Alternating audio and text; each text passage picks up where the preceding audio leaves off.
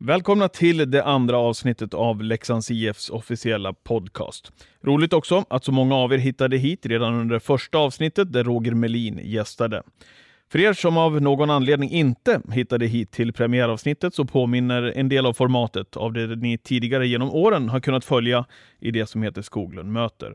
Det som ju sänds i Liv-TV, det är för övrigt bland annat sänder halv ett på eftermiddagarna måndag, onsdag och fredag varje vecka. I podden träffar jag intressanta personer i Leksands IF eller med kopplingar till samma förening. Och som jag nämnde senast, att göra en intervjupodd är knappast unikt. Det finns ju i stort sett överallt. Däremot så hoppas jag att kunna komma leksingarna lite mer under skinnet än man kanske annars gör. Och kanske är vi i alla fall en liten bit på väg. Det är av mejlresponsen att döma som kommit under förra veckan och där ni där ute verkligen är engagerade. Och dessutom kommer med tips på gäster. Nu dags för nästa gäst. Vi rullar vignetten.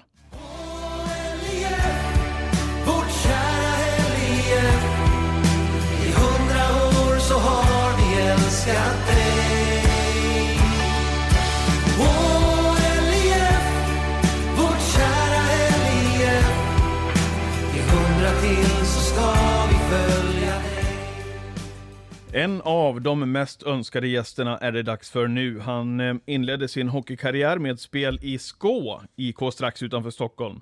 Han har representerat alla landslag från U16 och upp till Tre Kronor. Och till den här säsongen så kom han till Leksands IF från Ryssland efter spel i Dynamo Moskva. Här är 32-årige Patrik Zackrisson. Välkommen! Tackar, tackar.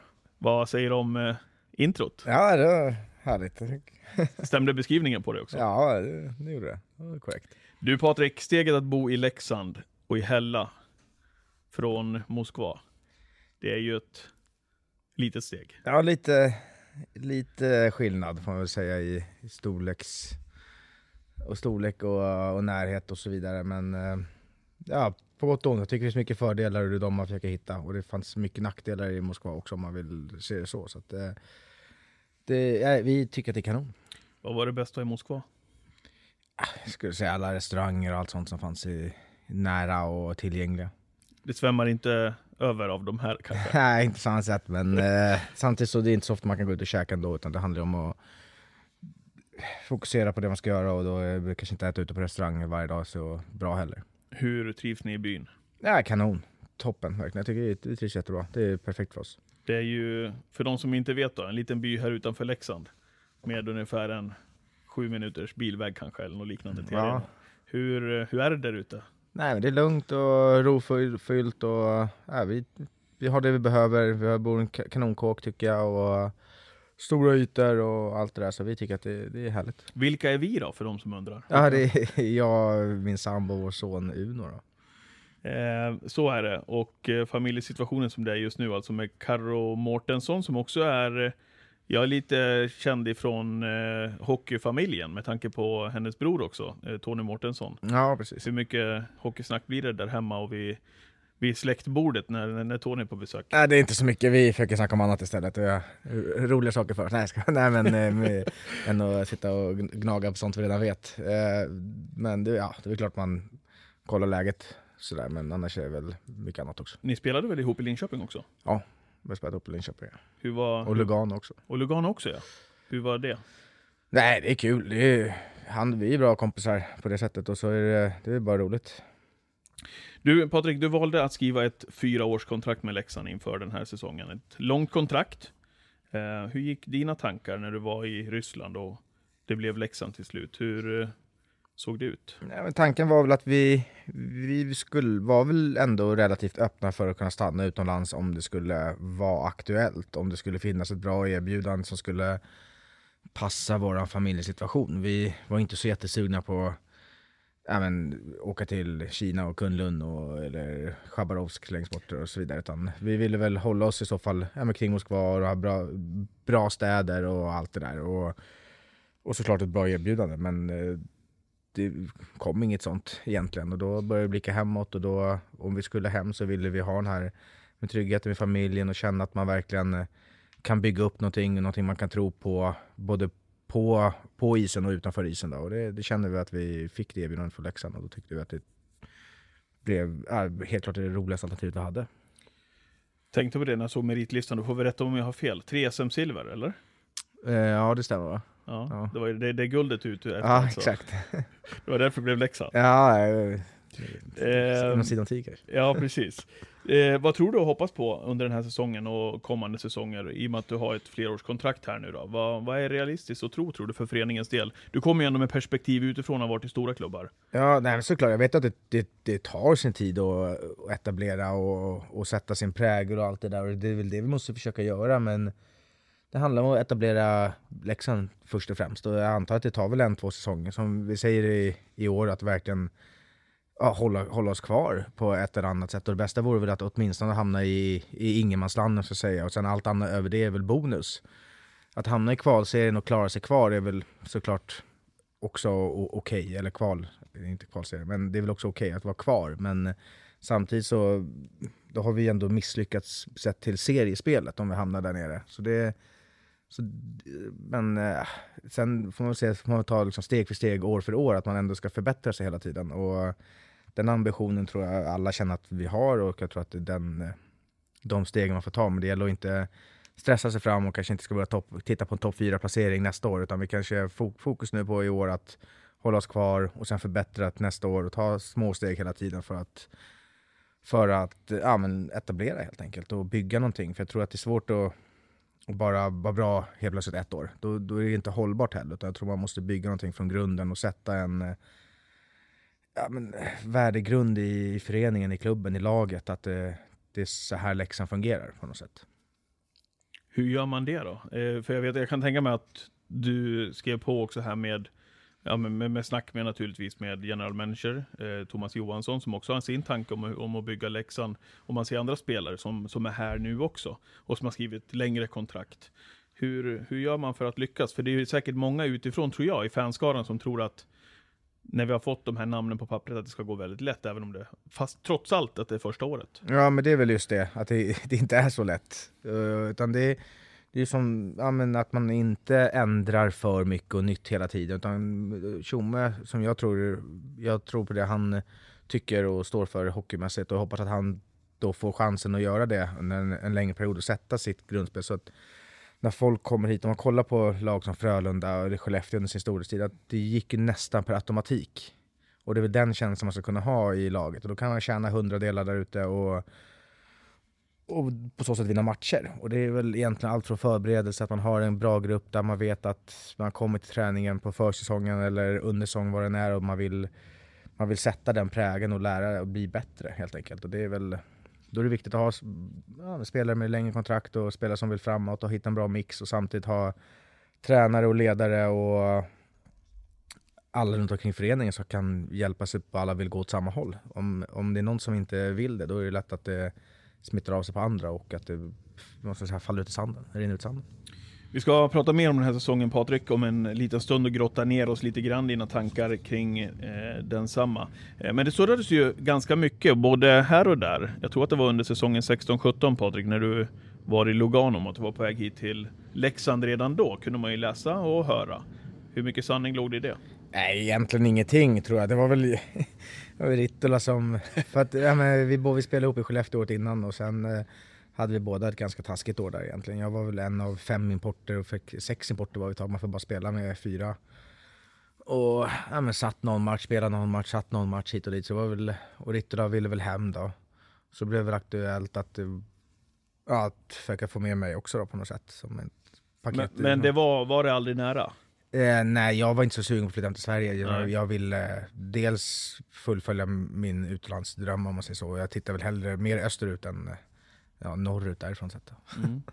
Eh, du spelade ihop med Ritto också i Skellefteå. Mm. Hur, hur har ni funnit varandra höll jag på att säga? Jo, vi känner varandra sen. Vi har ju spelat juniorhockey ihop och spelat Frölundas juniorer ihop till och med. Vi bodde ju i samma lägenhetshus och han bodde första våningen, jag bodde på fjärde våningen. Och så. Så vi har känt varandra i, i många år så att säga. Eh, eh, men eh, det, det är roligt, jag trivs med att tycker han spelar en rolig hockey och tänker och tycker hockey som jag tycker. Hur, ja precis, hur funkar samarbetet er emellan? För ni får ju spela mycket ihop. Nej, jag tycker det känns bra. Vi vet vad vi har varandra och vet vad vi, vad vi, hur, vad vi, vad vi vill göra där ute. Sen är det klart att vi inte alltid får till det, men det, det är lättare sagt än gjort kanske. Mm. Vägen Hit, Patrik, startade i Skå som jag var inne på tidigare. Mm. Berätta varför det blev hockey. Ja, jag började både hockey och fotboll när jag var liten. Det var väl brorsan spelade hockey, brorsan spelade fotboll, så började man. Och jag började spela i hans lag. Och sen insåg man att de var ganska duktiga på det. Och så var det roligt. Och på den vägen är det väl egentligen. Och när, när bestämde du dig för att satsa helhjärtat på hockeyn? Vart var du, hur gammal var du då? Ja, det var nog när jag var 15 kanske.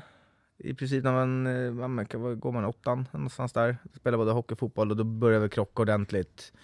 Och började satsas lite. Det var satslagsuttagningar hit och dit och alla, allt det där i fotboll och hockey och så vidare. Och då insåg jag väl att jag tror att jag tyckte allt, egentligen att jag tyckte att hockey var roligare och att jag var Ja, att det kändes, låg, låg mig närmre helt enkelt. Så då blev det ett ganska enkelt val.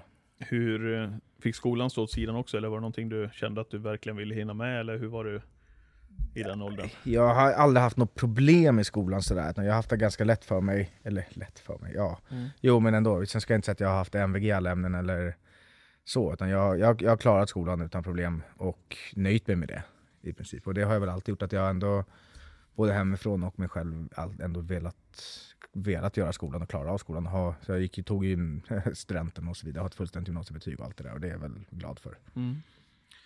Och så såg jag att du blev spel redan som 16-åring i division 1 i Skå. Det är ju ändå rätt tidigt. Mm, jo, verkligen. Jag var uppe där tidigt, som sagt. Hur var det? Ja, det var jätteroligt. Klart fick mycket gliringar i, i laget och sådär. Och, eh, det var mycket skämt om att fick komma och gå tidigt från dagis och så vidare. De där gamla klassiska. Det var lite hårdare jargong på den tiden, men det var, Ja, det var det. roligt. Det. var roligt. Har du någon relation till moderklubben idag?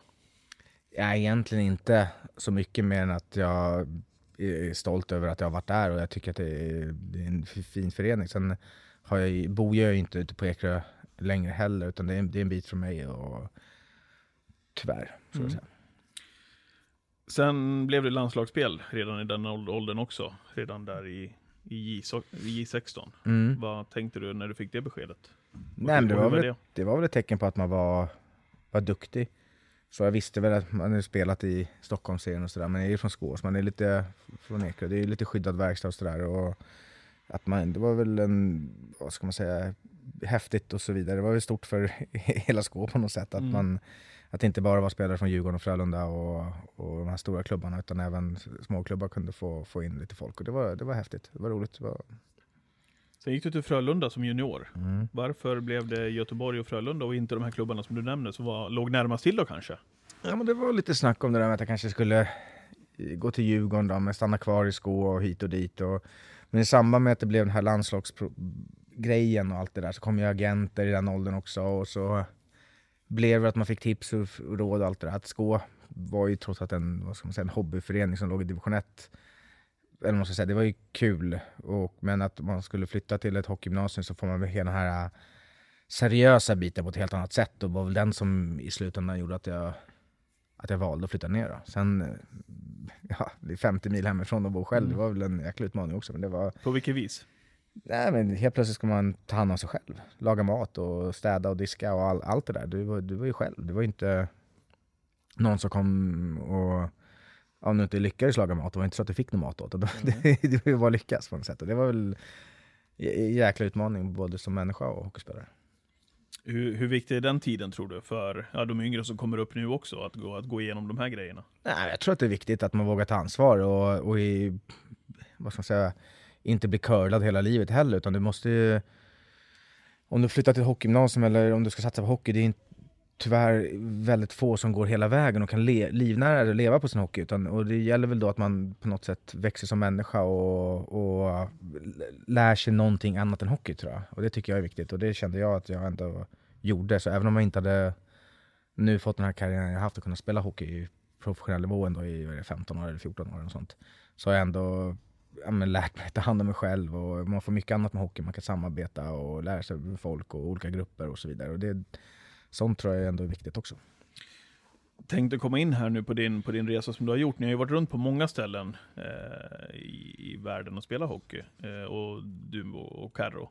Hur, hur lärorikt har det varit? Att komma till olika kulturer och träffa olika människor och allt det där. Nej, jag tycker att det är skitkul, eller vi tycker att det är, båda tycker att det är jätteroligt. Att vi har verkligen lärt oss att se ja, men, välja att se det positiva hela tiden, vart det än har varit. Vi har ju varit runt och många korta år och såklart att Lugano kanske var finare än Novosibirsk, men samtidigt så trivdes vi, trivdes vi ju mycket, egentligen mycket bättre än Novosibirsk. För att vi, där var ju, funkade så mycket bättre hockeymässigt och då blir det ju en helt annan flyt i, i tillvaron hemma och, och så vidare. Inte för att jag kom hem och griner så att det är på grund av att jag spelar bra, vi, vi trivs, men det blir hela, hela grejen blir ju roligare även för allihopa, även för henne också då, och, och sådär. Så att det, men vi har ja, egentligen fokuserat på det som är bra och, och, och sett uppsidorna istället för att se nedsidorna. Kanske inte så många som skulle hålla med om att det är trevligare i Novosibirsk än i, än i Lugano. Nej, och ska jag åka från weekend så åker jag hellre till Lugano, det Ja, ska, gör jag- det. ska jag villigt erkänna. Ja, inte till Novosibirsk. Nej. Nej. Eh, Det blev tio matcher i Frölunda också. Du fick ju komma upp där eh, som junior. Så det är säsongen 2000, no, 2005 och 2006. Mm. Men det var inget dåligt lag och dåliga killar som spelade i det där laget och kom upp på den där tiden. Nej, det var tufft. Jag kommer ihåg min eh, debut var, jag tror jag kom in, fick hoppa in ett byte, vi hade pucken bakom eget mål, jag åker ner, bågar vänster, ja men centerbåge som jag skulle göra, backen tar upp pucken, tappar friläge baklängesmål, jag var inne i ja, sex sekunder någonting sånt, spelade ingen mer den matchen. Nej, att var det så? Ja, det var, var lite hårt också. det var inte riktigt mitt fel eller så heller då, men, det var inte, men en, ändå. Det var, Jag såg killarna som var med, bland annat Tommy Kallio, Niklas Andersson, Jonas Jonsson, Magnus Kahnberg, Joel Lundqvist, Ronny eh, Sundin. mm. Det, man kanske inte kommer upp som junior och är jättestöddig. Nej, det är man nog inte. Man sitter där ganska tyst på sin plats och bara tittar. Tror jag. Det, var, det var en häftig upplevelse, det var kul att få vara med och vi hade även ja, men, bra konkurrens för juniorverksamheten att också få chansen att vara en av de som ändå fick spela. Det var, ro- det var roligt. Hur, eh, hur tog de hand om dig? Nej, ja, de var ju positiva och snälla och glada allihopa. Jag tyckte det var, det var, det var bara egentligen klapp på axeln. I samma laguppställning Jonas Ahnelöv också. Ja. Som, ni, som du träffade där för första gången då, eller? Ja, vi, han är ju från Stockholm, jag är från Stockholm 87 så vi har ju spelat mot varandra sedan vi var sju år. Någonting sånt. Och Ja. TV-pucken och sånt ihop. Så att han kände sedan tidigare. Mm. Och så spelade vi ihop då i juniorerna i Frölunda också. Och så får ni sluta samman så här på Ja, ålderns höst också. det är exakt, det är roligt. Det är Rittola, Ahnela, många som kommit från Frölunda-tiden helt Ja, plötsligt. det gör det. Eh, sen blev det ett år med Rögle i Allsvenskan. Mm. Den hade jag dålig koll på. Jag förhörde mig lite grann också här i hockeykretsar. Det var inte jättemånga som hade koll på, på den säsongen som du gjorde där faktiskt. Den gick lite grann under radarn. Hur upplevde du den tiden i Ängelholm? Ja, su superkul. Det var vi, Frölunda det var ett snack där att man skulle jag ville inte spela juniorhockey som sista årsjunior då, utan jag ville väl spela senior. Jag känna att det var dags att spela seniorhockey.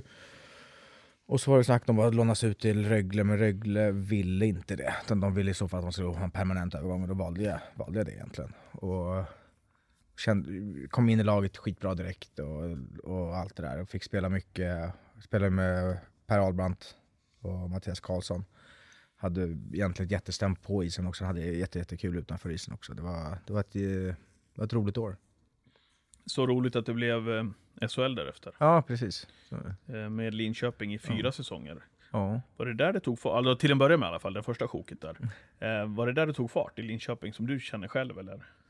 Alltså, jag känner väl egentligen inte att jag haft någon riktig så här motgång eller, på, eller sådär. Att jag, shit, nu fick jag gå ner till, jag fick inte plats i Frölunda, jag måste gå ner till Rögle i Allsvenskan. Utan det känns som att på något sätt har det gått stadigt åt rätt håll på något sätt. He, hela tiden tog Rögle och det gick ju jättebra såklart. Kom till Linköping, förstod att man skulle få börja i en lite mindre roll, eller man ska säga att man var en av de yngre och skulle få tid. Men det kändes som att Linköping från början hade presenterat en bra plan för mig och hur de ville att vi skulle ja, men, utvecklas. Och sen har det väl egentligen gått enligt den, den planen på något sätt. Men det är klart att de bryter fötter och hit och dit och sådär. Men, men eh, ja, jo, det kanske man kan säga att det tog lite fart. Men första året var det mycket fjärde femman, sen året efter tredje femman och sen och sådär. Men, Det vart ändå 34 poäng i så fall i tredje femman. ja, det kan, kanske kan stämma. Mm. Är du ingen statistikbitare? Nej, inte så. Inte, kolla inte till på gamla matcher och Nej, nej. poäng och statistik? nej, och, nej.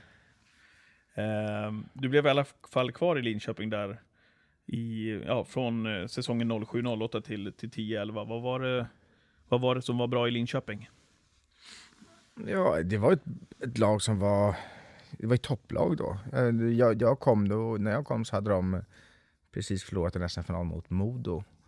Och var väl revanschsugna och ville ta nästa steg. Och det var, det var ett lag som verkligen... Det var i toppen av SHL då. Och det var väl en utmaning i sig att kunna försöka ta plats i ett sånt lag. Och det var väldigt seriöst och det var bra hockeyspelare. Det var många, många att försöka ta rygg på egentligen och se upp till och ja, försöka härma. Mm. Eller vad man ska säga. Och verkligen se, försöka hitta de positiva bitarna och utveckla sig. Det tyckte jag var jäkligt spännande. Och det blev ju också landslagsspel under den sessionen där Mm. också med Tre Kronor. Vilket kvitto. Ja, verkligen. Det var ju jättehäftigt när han ringde efter säsongen. Jag var med i de här första turneringarna. Gick ändå ganska bra. Fick spela med, med Omark och Harry i mina första matcher. Det, var ju, det var ju såklart grymt häftigt. Och efter det så drog du iväg, eller ni iväg på er första äventyr. Det blev eh, Atlant, hjälp mig, Mytishi, Mitishi. ja, ligger Mm. precis utanför Moskva. Mm. Så tillhör Moskva, men är väl precis utanför de här äh, tre ringarna som Moskva kan man säga består av. Hur var det? Nej, också så här häftigt, men det är väl klart man kommer dit, man har ingen aning, man landar, det är någon som hämtar upp en som inte pratar ett ord engelska. Jag vet inte om man ska till lägenheten, jag vet inte ens vad det är för lägenhet jag ska ha, ska man till rinken, jag vet inte, ingen aning. Till slut med att de kör mig till rinken, får lämna prylarna där, kör mig till lägenheten, släpp mig där. Jag har ingen aning när det är samling dagen efter, att inte jag ska ta mig dit, ingenting. Så det var ju klart att det var lite spännande. Ingen rysk telefon, ingenting. Så, där. så var ju- det var lite att, att försöka ja, lära, eller vad man ska säga också, den kulturen och så vidare. Men det var ju en jäkla utmaning och tyckte det var skitkul. Ja, det är så kul att höra när du säger det, att du ser det så positivt och utmaningar och, och hela den där biten. Att åka dit och inte veta var man ska bo, det, det känns ju sådär. Ja, ja, absolut. Men det var väl, samtidigt så förstår man, det kommer inte bo i ett, råtthål kanske, men alltså, vi kommer ändå få en lägenhet som ändå ska vara beboelig. Och det fick vi, eller fick jag. Och sen var Jonas Andersson, en annan svensk där, som jag försökte leta upp då. Och han bodde väl någon, ja, någon våning ner eller någonting sånt. Fick tag på han och så ja, löste det sig. Det, det, det gör det väl alltid på något sätt tror jag. Hur gick det sportsligt tycker du då? Jag kan berätta för dig som inte, eh, som inte du har koll då. 22 poäng på 54 matcher rent statistiskt då. Ja. Nja, det gick väl sådär skulle jag säga. Både för oss som lag och för de hade också gått bra året innan. Över förväntan visserligen, Atlanta. Och skrällt lite året innan. Men kommer hade de lite höga förväntningar. Vi hade fått in Nikolaj Tjerdev, Alexej Kovalev. Som kanske inte var i sin prime då, men eh, det var ändå ett stort namn och så vidare. Så, men eh, hade ju Bengt-Åke Gustafsson och Janne Karlsson som tränare i Atlanta. Så det var på så sätt kanske gjorde att det blev lite underlättade lite, blev lite Ja, lättare. vad skönt.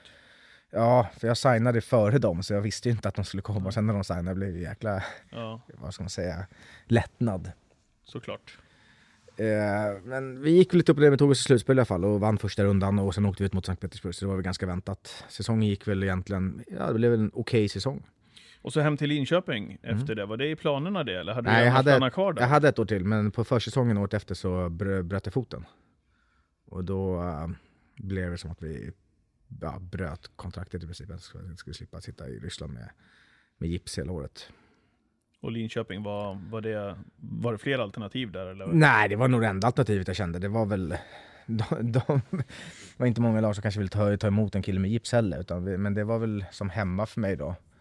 Och det passade bra. Åka hem dit, på, köra rehaben där och komma tillbaks och, och försöka ta mig ut igen. Mm. Vilket du gjorde också. Mm, Till Prag. till Prag ja. För jag hade egentligen kontrakt med Atlant som skulle börja året efter igen då. Men då hade de en ny ledning, kommer dit, eh, fick inte vara kvar. Om man säger så. Och drog till eh, Okej, du åkte dit och trodde du skulle vara där. Nej, jag förstod väl att de, de ville väl egentligen att jag skulle avsäga mig kontraktet, men jag ville väl att det är bättre att de får göra det. Ja, givet. Ja. om man säger så. Och det gjorde de väl då. Och sen eh, blev det att jag drog till Prag, för de ju, hade ju ingen utlänningskvot heller och fick väl lite typ som ett tryout-kontrakt. Åkte dit och ja, fick en plats egentligen. Hur var, hur var den säsongen? Mm, alltså, så jäkla rolig egentligen. Det var ju skitkul att spela i, i KL då. Och vi hade ju fem svenskar, fem kandenser, fem finnar, 10-15 tjecker. Det var ju, bodde mitt downtown Prag, det är ju en grym stad. Det är världsklass. Ja, ja, verkligen. Alltså, det är ju bra restauranger, bra öl på torgen. Men det är Ja, alltså ja. jätte, jätte, jätte fin stad. Så, så jag hade inte ens kör, eller bil eller någonting sånt. Körkort hade jag i. Men så tog ju spårvagnen till från träningarna och skitsmidigt. Så det var ett jättekul år. Så. Det var ju som lyxigt att bo i Prag och spela i KL på det sättet. Det ju- Men när, när du var där, hade, kände du att det här är någonting som du skulle kunna ha några år framöver eller? Jo, absolut. Man skulle jättegärna stanna till Prag. Det, och sen, vi gick ju bra också, vi gick ju till final, torskade Game 7 där. Mm. Och skrev nya år, kontrakt då, men klubben la ju ner. Precis. Ja. Det är lite fascinerande att de kan lägga ner en klubb som slutar tvåa i Ja. ligan. Men Ja. det var väl något strul där med ägarna, att de inte riktigt ville sponsra då, tror jag. Men hur, hur tog ni det då? Det var inte så mycket man kunde göra. Det var ju bara att acceptera och försöka hitta kontrakt någon annanstans. Och eh, då begav du dig hemåt igen till Sverige. Ja, det blev Skellefteå då. Mm. Och det tyckte jag var skitkul för det hade ju varit lite utomlands och varit iväg och varit skadad där, kom till Linköping, varit ute igen. Och så hade det väl vänt lite också i svensk hockey och Skellefteå låg i framkant med både träning, de hade ju den här, det var ju inte nytt men ändå nytt på något sätt att de tränade utav bara ja, helskotten så säga. var ju ryktet då, allt de, sättet de spelar på och allt det där. Det var ju som förändringen i svensk hockey på något sätt eller? Var det så också? Vi som bara har nåtts av de här ryktena att man, att man tränade som, ja men ursäkta uttrycket, galningar. Ja, no, nej, det var hårt absolut, men jag skulle inte säga att när jag kom upp dit och körde, jag kom ju upp när säsongen hade börjat. Så då blev det, det jag, året efter så blev jag kvar och körde en hel försäsong där uppe. Eller, och det, ska jag säga att försäsong är försäsong tror jag oavsett var du är. Det går inte att göra allt så jävla mycket hårdare heller, för du, du måste ju vikta här med vila och mm, kost och hela den biten, så du måste ju få ihop det. Men det jag fascinerades över då när jag kom, då, det var väl att den sättet de tränade på under säsong. Att de höll uppe eh, fysen och även isen så pass hårt under hela säsongen och det tyckte jag var fascinerande. Det var väl lite nytt då, medan innan har väl hockeyn varit då att man egentligen bara underhåller lite snyggt under säsong och egentligen tränar med att, ja, lite feel good inför matcherna, att du ska vara fräsch inför matchen. Men i Skellefteå då, då tränar man stenhårt även under säsong, både, både på is och i gymmet. Men hur många klubbar har tagit efter det nu då, när vi är framme några år? Så att säga. Nej, sedan. jag tror väl att i princip alla gör det. Alltså på något sätt har mycket, mycket högre intensitet på i både gymmet och, och isen. Skillnad mot vad det var förr. Vad trivdes du bäst med? Nej, jag tycker att det är kul faktiskt nu när det är som det är. Så att eh, jag hade haft svårt att acceptera om, man, om alla andra gör det och man själv inte gör det. Det, det, det hade varit mer frustrerande tror jag. Jag förstår att åren där uppe i Skellefteå var, var, var roliga för dig. Säsongen 14-15, 15-16, det gick ju väldigt bra också för dig. Eh, rent individuellt, väl? Ja, framförallt var andra året då, och andra halvan av första året kanske. Ja. Början var det lite knackigt tror jag. Mm. Vad var det Skellefteå hade där och då, förutom den där fysen då, som man pratar om? Nej, men Det fanns ju en trygghet i föreningen. Det, när jag kom så hade de vunnit två raka SM-guld och tappat sina nio främsta forwards i princip. Mm. Men det fanns den här tryggheten och eh, röda tråden rakt genom hela föreningen på något sätt som var så enkelt att bara man bara följde med på något sätt, åkte med i strömmen och det var, det var så, all, allt var så självklart på något sätt. Det var inga frågetecken och det var, det var väl på så sätt det var ganska skönt, enkelt att komma dit och enkelt att anpassa sig. Sen tyckte jag att det var, jag trivdes bra i stan, fick, ja, men, kom lätt in i laget och Karo kom också, trivs också bra där uppe. Har ju hållit på mycket med hästar, hade med sig häst upp och träffade stallkompisar och fick, fick ett liv där uppe. När kom Karo in i ditt liv? I Linköping, andra, tredje året. Ja. Ja. Var där. Mm. Så hon har varit med på, på det mesta? Mm. Mm. Hon har varit med hela vägen i princip. Mm. Och i efter det då så var vi har ju vidrört det då. Lugano kort och så Novosibirsk. Mm. Hur summerar de där åren lite kort? Ja, men Lugano var ju fantastiskt ställe, det var ju grymt magiskt. En timme till Milano och en timme rätt upp i som var på värsta skidorten. Och sen samtidigt så bodde vi vid en eh, magisk liten sjö. Och vi hade en kvart till Como tror jag. Så det, var, alltså det är ju helt grymt ställe, bra väder och allt det där. Men sportsligt så hade jag väl inte så jättekul då. Vi hade väl lite många, många importer ett tag, laget gick dåligt och jag blev lite drabbad tycker jag.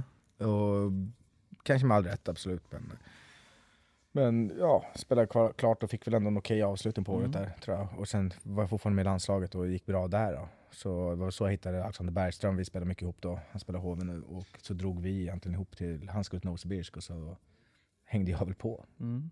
För jag kände att det ändå funkade bra i landslaget och han skulle dit och då tyckte jag att det lät som en jäkligt rolig utmaning. Hur var det att spela OS?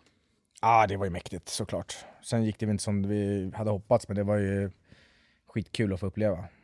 Mm, verkligen. Vad, vad går det att beskriva för oss som aldrig har varit i det? Nej, jag vet inte, jag tror att det var själva uttagningen tror jag, bara att, att få vara med tror jag kändes jäkligt stort. För vi vet ju ändå, alltså, OS är ju stort. Sen själva upplevelsen väl där och då, jag vet inte, det är, då är man ju så inne i, sitt, i sin hockey också. Att vi är ju där, vi bor i vår lägenhet och ska åka och träna och spela matcher. Och en hockeymatch är ju ändå bara en hockeymatch. Och sen var vi var väl inte så jättetryck tror jag, tycker jag, sådär, i Siko. Det var inte så att det var där vi var, att det var liksom folk överallt och sådär. Men det jag tyckte var häftigt var i så fall när man åkte upp och kollade på skidorna och lite sånt. När vi var iväg och ändå fick se någonting annat än, än vår egen hockey som för mig bara ändå är hockey. Mm. Det tyckte jag var st- stort. Då fick man ändå lite perspektiv på att det här är roligt. Fränt. Dynamo Mos- Moskva då? Säsongen där innan du kom hit? Mm. Det var väl ingen rolig säsong hockeymässigt heller. Mycket så här var halvdåliga år känns det. Då du kom hem och var på dåligt humör? Alltså, ja, eller Nej men det var ju skithäftigt, Moskva, grymt. Kul lag, kul gäng och allt det där. Och vi gick väl tungt, bytte tränare, hela laget och sådär. Det var, spelade mycket på, på Chipachov och Kagalitski då, som var våra stjärnor där i det laget. Då. De fick ju väldigt mycket förtroende och gjorde det bra. Och vi andra fick väl försöka bara göra det bästa vi kunde av situationen egentligen och anpassa oss till, till att stänga ner. Det var det jobbet vi fick allihopa. Trist det låter. Ja, ja, både och. Men framförallt när man inte är värvad för att vara en spelare som ska stänga ner, utan man är värvad för en spelare som ska... De har förväntningarna på att du ska göra en poäng på match, fast du, bara ska, du får bara stänga ner och så får du skit för att du inte gör Mm. poäng då. Eller, ja, så, så. Då blir det lite svårt att göra det. Men sen, eh, så jag var ju till och med utanför laget ett tag, jag skadade mig lite och sen var- kom jag tillbaka och så fick jag inte lira. Sen fick jag till slut lira så hade jag ett bra slutspel i alla fall. Då. Så det var väl kul. Men eh, så i alla fall en skön avslutning på KL-äventyret att man ändå gjorde bra slutspel.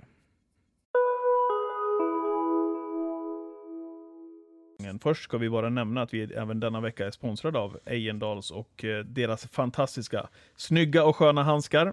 Det gäller handskarna i den nya vinterkollektionen Tegera Dynamic Strength, som eh, skyddar dina händer även under de längsta arbetsdagarna i kalla arbetsmiljöer. De funkar dessutom alldeles utmärkt att bära privat. Tack till Tegera. Vi är också sponsrade av hotell och restaurang Moskogen. Har du varit där och ätit någon gång? Ja. Eh, Patrik, Det har jag. Vad säger du? Ja, kanon. Jättebra. Bra lunch. Så är det. Förutom att det bland ute bland folket är ett mycket populärt ställe så är det också en av mina favoriter. Inte bara för deras vällagade luncher, precis som du är inne på Zacke, utan också för deras gästvänlighet och service. För så är det. Kommer man till Moskogen så känner man genuint att man blir omhändertagen som gäst. Boendet är dessutom utmärkt. Där bor till exempel flera av de lag som gästar Leksand när det är dags för hockeymatcher. Och er företagare, ja, ni bokar såklart er konferens på just Moskogen, som väl fått det epitetet genom åren att de är otroligt duktiga på just konferenser. Stort tack till hotell och restaurang Moskogen. Ja, säsongen så här långt då Patrik, i Leksand. Vad säger du om vi kollar till laget så här långt? Vi har ju varit där och ja, det känns ju som att vi har känt på alla lagen. Topplagen också, spelar bra mot dem, men Ja, precis. Men nej, vi, ja, som lag vi började vi ju kanon. Jag vet inte om vi fick lite skalle där ett tag och trodde att vi skulle kunna spela lite för, för frejdigt. du eller det? Frejdigt. Ja, jag vet inte. Kanske omedvetet på något sätt då, att vi började tumma lite. För det känns som ett tag när vi hade den här största svackan och släppte torska 10 raka där och med 5-1, 7-1, 5-2. Det var stora siffror nästan varje match. Det rann iväg och och då tyckte jag ändå att jag kände att vi, vi inte riktigt hade det. Men sen nu sista tiden tycker jag ändå att vi har spelat bra som lag. Vi har kommit ihop som grupp också tror jag. Vi, det känns att alla, alla strävar åt samma håll och alla vill samma sak på ett mycket, mycket tydligare sätt och alla vet mer vad vi ska göra. Och, känner du så? För det är så lätt att man klyschar också. Ja, nej, men jag tycker det känns så. Att innan kanske det var lite mycket att man försökte hitta sin lösning på problemet. Eller, ja, för det var väl problem att vi ändå torskade så pass mycket och förlorade så pass stort. Eh, och alla försökte på sitt sätt. Och det blev inte riktigt rätt. Nu tycker jag känns som att, ändå att vi försöker ihop. Och det tycker jag känns mycket, mycket bättre. Och även eh, off-ice också, att det känns som att vi, vi vet mycket mer vad vi ska göra nu och det känns mycket, mycket tryggare. Sen vi, får vi inte riktigt, riktigt till den då, då men det är, det är små marginaler och små saker men vi, vet ju ändå vad vi ska försöka göra för att få till det. Det känns ju, som jag var inne på lite grann, att vi spelar jämt mot de bästa lagen många gånger eh, i serien. Men att det liksom faller på slutet där. Vad, vad tror du det är anledningen? Eh, så här, om vi zoomar ut lite grann. Nej, men det är väl så här små marginaler, att de kanske dels är trygga i sitt spel. Vi kanske blir så här, oh shit, nu börjar det närma sig slutet. Vi blir lite mer spända, omedvetet på något sätt. Att man blir lite mer spänd, lite mer låst i sina tankar. Kanske man kanske ska våga slappna av och tro på det man gör mycket mer. Att det kanske har lite självförtroendes, eh, att det är en självförtroendesfråga lite grann. Att man inte riktigt tror på det. Fast, ja, eller ja, jag vet inte, missf- det är lätt att bli missförstådd. Det är inte så att vi inte tror på att vi ska vinna matcherna. Men om man vinner mycket så vinner man ofta av sig själv känns det ibland. Då lägger man en puck på mål så går den in. Men alltså, vi kanske inte har det förtroendet att lägga den där pucken på mål, utan vi kanske ska söka det perfekta läget. Och så missar vi lägen för att vi, vi vill för mycket. Att det inte riktigt går naturligt. Utan man försöker hitta det, någon annan lösning. Och ibland gör man mål utan att det gills. Ja, det kan också hända.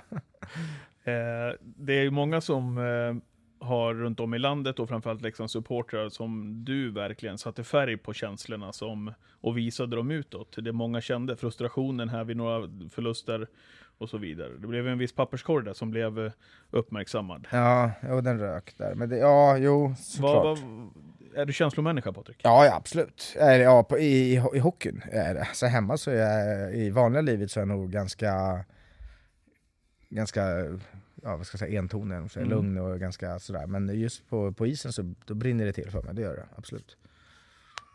Vad, vad, vad kände du själv med papperskorgen, när det blev en eh, rubrik? Ja, men det var frustrationen i att det var, det kändes som att vi, att min spontana känsla var att det kändes som att det, att vi bara lät det hända, som att det, det var väl en hemmamatch igen, vi förlorar, okej alla går hem, byter om och så åker man hem och så kommer vi tillbaks på måndag med nya tag på något sätt. Och det var väl den frustrationen man kände att man fan, vi var något jävla en hamsterhjul där och bara förlora, förlora, förlora och vi lät det hända lite grann på något sätt. Och det var en sån frustration, det kändes så i alla fall att vi, även fast alla, ja det är klart vi inte gjorde, vi försöker väl såklart allihopa men det var den känslan i alla fall och det blev någon frustration som gjorde att jag var tvungen att få ut det.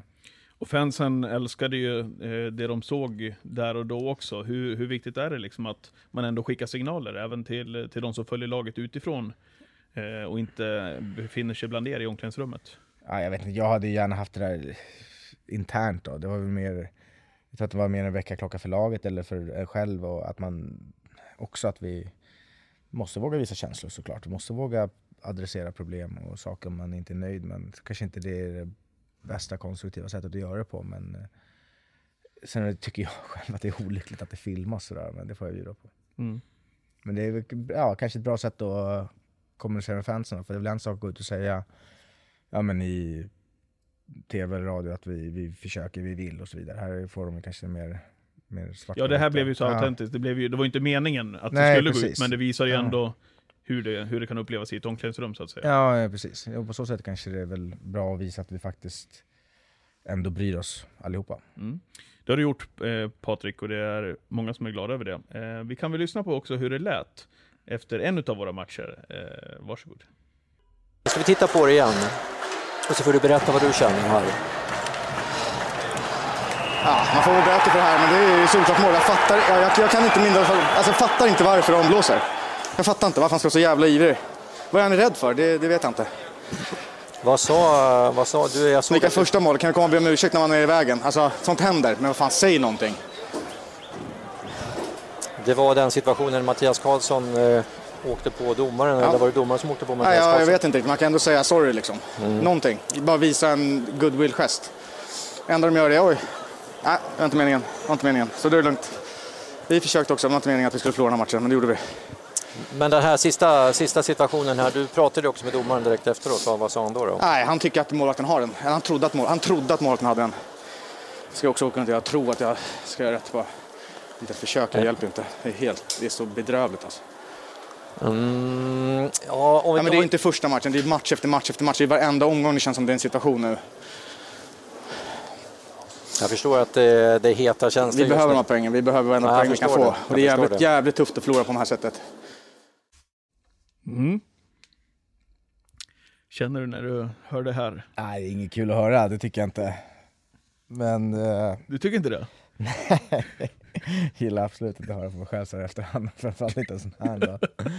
Kanske inte formulera den på bästa sätt heller alla gånger. Ja men det kanske man inte gör i, i, stundens, i stridens hetta, jag tror inte att det är så många som, som gör det. Nej, nej, men det är väl klart att det är väl synd att man ska komma ut på det här sättet också, men eh, ja. Ja men är det det Patrik? Jag menar det för produkten, för att visa att det är känslor vi håller på med, det är, det är hockey, det är underhållning, allt det där. Nej, men det är är, det inte, är det inte viktigt? Ja men det är väl storleken eller om man tänker hur det blir då. Alltså det är det är inte alls kul att eh, domare får, eh, ska behöva polisbeskydd och så vidare. Givetvis inte. Och sen tror jag inte att det kanske var just på grund av mig, men alltså det är väl det är den biten som man gör att man tycker att det är jobbigt. Och sen och jag har absolut ingenting mot någon speciell person där ute, aldrig någonsin. Det, även om det är någon som tacklar någon i huvudet och det är en skitful tackling så är det inte den personen, utan det är ju situationen som man blir irriterad och less på. Och frustrationen över att man inte får med sig det resultat man vill ha. Det är ju inte mot någon specifik person överhuvudtaget eller mot sådär, men nej, jag tycker fortfarande inte att det är kul att höra på, det gör jag inte. Eh, det var ju en match också som, som hade mycket känslor, det där. Eh, Färjestad hemma, och du kvitterar i Ja. slutminuterna. Ja, det är klart att och vi behöver ju poäng, så är det. Vi, ja, det sa jag väl, att det desperat behov av poäng och det, det känner vi och då blir det ju extra påtagligt. Hade vi legat 3, 4, 5, 2, 7 så hade det kanske inte gjort så jävla mycket. Men eh, nu gör det det. Mm. Sen vet vi vi hade kanske förlorat matchen ändå, det vet man ju inte, men eh, får, vi får vi aldrig veta. Men, ja. Försöka ta det och gå vidare bara. Mm. Och det ska vi göra med den här säsongen som är kvar. Vad har du för förväntningar? Vad är, vad är realistiskt att tro? Ja, ja, att vi ska ta mer poäng än vad vi har gjort såklart. Det tycker jag vi, vi känner att vi har i oss och att vi ska kunna ha som förväntningar. Och vi vill väl först och främst ta oss bort från den här kvalplatsen och sen eh, se, se hur långt upp det, det, det kan räcka liksom. Men samtidigt så är det jäkligt viktigt för oss att inte titta för mycket i tabellen heller utan faktiskt sätta vårt spel och förhoppningsvis ska det ge oss poäng på isen också. Och gör inte det så ska det fan räcka i slutändan ändå på något sätt. Att det är jäkligt viktigt att vi, att vi spelar bra och tror på oss som lag och utvecklas. Linköping imorgon torsdag. Mm. Kan ju lämna det där. Ja, det, ja, det är klart att det är en eh, väldig match nu så här sett till vad är det, 20 omgångar kvar. De leder, ligger två poäng för oss va. Det är klart att det, det, det är en, en rolig match. Tror jag för både fans och uh, spelare och ledare och alla möjliga. Det blir ju vad ska man säga, det är kul med sådana viktiga matcher på något sätt i mitt under säsongen. Och det, det är klart att den, oavsett hur den går så avgör den ju inte. Nej, inte åt något håll. Nej, inte åt något håll. Utan det, det är inte så att vi vinner och vi är klara, utan det är 19 matcher kvar och lika så för dem. Men det, den är ändå lite för självförtroende och för fans. Och, ja, men det, det är kul att det kan byggas upp på något sätt och det är roligt att det får en sån liten extra touch. Mm. Hur är det att spela i Leksand då, eh, Patrik? Eh, är det som övriga klubbar eller märker du av på något annat sätt? Ja, man märker väl och tycker att det känns som att det berör väldigt många runt om, runt om hela Sverige också. Vi har bra fans på bortaplan vart vi än är och, och sen känns det som att det, det, ja, det verkligen berör folk innerligt och det, det är roligt. Och det känns som att man är väl, har väldigt närhet till, eh, till fansen och till men, hela säga, staden runt omkring. Allt det känns väldigt familjärt på det sättet och det tycker jag är mysigt och härligt. Ja men det är väl härligt att höra. Mm. Eh, om man kollar på din prestation då, är du nöjd med det du har gjort alltså individuellt sett? Eller ser du det i- med ett större perspektiv, laget och allt det där? Eller? Nej, det är klart jag Hur- inte är nöjd med min egen individuella prestation. Absolut inte. Jag, och det är väl dels för att laget har gått som det har gått också. Hade jag känt att, jag, att vi hade vunnit, då hade jag nog känt att jag har gjort saker som är bra för att vi vinner. Nu känns det som att man inte gör tillräckligt för att vi inte ska vinna. Och sen om det handlar om att det är täcka skott, vinna en tek eller göra poäng, så det bryr jag mig inte så mycket om. Utan det viktigaste är att laget vinner, och vinner laget, då tror jag att jag kommer vara nöjd med min prestation också. För då kommer jag vara med och bidra på ett eller annat sätt. Och det gör vi allihopa. Sen gäller det bara att hitta sitt sätt och just nu gör vi inte mål så du skulle gärna vilja hjälpa till att göra mål eller assist eller så vi får mål och, och så vidare. Det är klart man vill så jag är, nej, det är klart jag inte är nöjd. Vi skapar i alla fall chanser Patrik för att göra mål. Eller hur? Vi skapar väl en av de mest i, i serien tror jag faktiskt. Ja, vi skapar mycket chanser men det är klart att vi måste ändå ha Ah, Det kommer klyschorna igen då. Ja. Men vi har pratat om det mycket i laget nu på sista tiden också, att vi måste ha folk på mål, heta på returerna, skymma målvakten när vi får lägena och allt det där. Det är väl de klassiska bitarna som vi, vi, vi måste få in och det är väl sånt som kommer naturligt tror jag. Och inte går att forcera riktigt fram heller. Utan vi måste tänka på det men ändå bara låta det hända. Härligt. Hur ser resten av onsdagen ut? Det är onsdag idag när vi spelar in, det är match imorgon. Vad gör Uno och Karo? De är hemma nu och kurerar, han har varit lite dålig här ett par, ett par dagar. Så det är väl hem och ta hand om honom, se till så han blir lite frisk och inte smittar en själv då. Som man Jag tänkte säga det. Ja. Nej men det ska nog vara lugnt tror jag. Jag tror att vi har kontroll på det. Men eh, så det är väl bara hem och ta hand om en grinig unge på säga. Nej, Ja. försöka leka så gott det går. Och så en glad pappa efter morgondagens match. Precis, det Mm. det. Ja. Eh, verkar vara fullt lag också, eller? ja, så vitt jag vet. Kul. Ja verkligen, det är bra. Det är skönt att ha den känslan. Härligt Patrik. Tack för att vi fick eh, skälla en eh, knapp timme i, i ditt liv. Ja, tackar själv. Och tack också för att ni har hittat hit och fortsätter att lyssna på vår podd. Och sprider budskapet såklart om den här podden som nu finns där poddar finns. Och ska så göra varannan vecka framöver. Har ni några förslag på framtida gäster i podden så mejlar ni patrik.skoglund.leksandsif.se Musiken, den är gjord av Johan Eriksson, låten heter I hundra år så har vi älskat dig. Klippare av podden, han heter Fredrik Eklund, men kallas för Eken. Vi säger på återhörande. Hej! Har aldrig sett den lysa så förut Hur var det? Nej, också så här häftigt, men det är väl klart man kommer dit, man har ingen aning, man landar, det är någon som hämtar upp en som inte pratar ett ord engelska. Jag vet inte om man ska till lägenheten, jag vet inte ens vad det är för lägenhet jag ska ha, ska man till rinken, jag vet inte, ingen aning. Till slut med att de kör mig till rinken, får lämna prylarna där, kör mig till lägenheten, släpp mig där, jag har ingen aning när det är samling dagen efter, jag vet inte hur jag ska ta mig dit, ingenting så klart som solen lyser våra färger. Vi vet vi kommer alltid finnas här.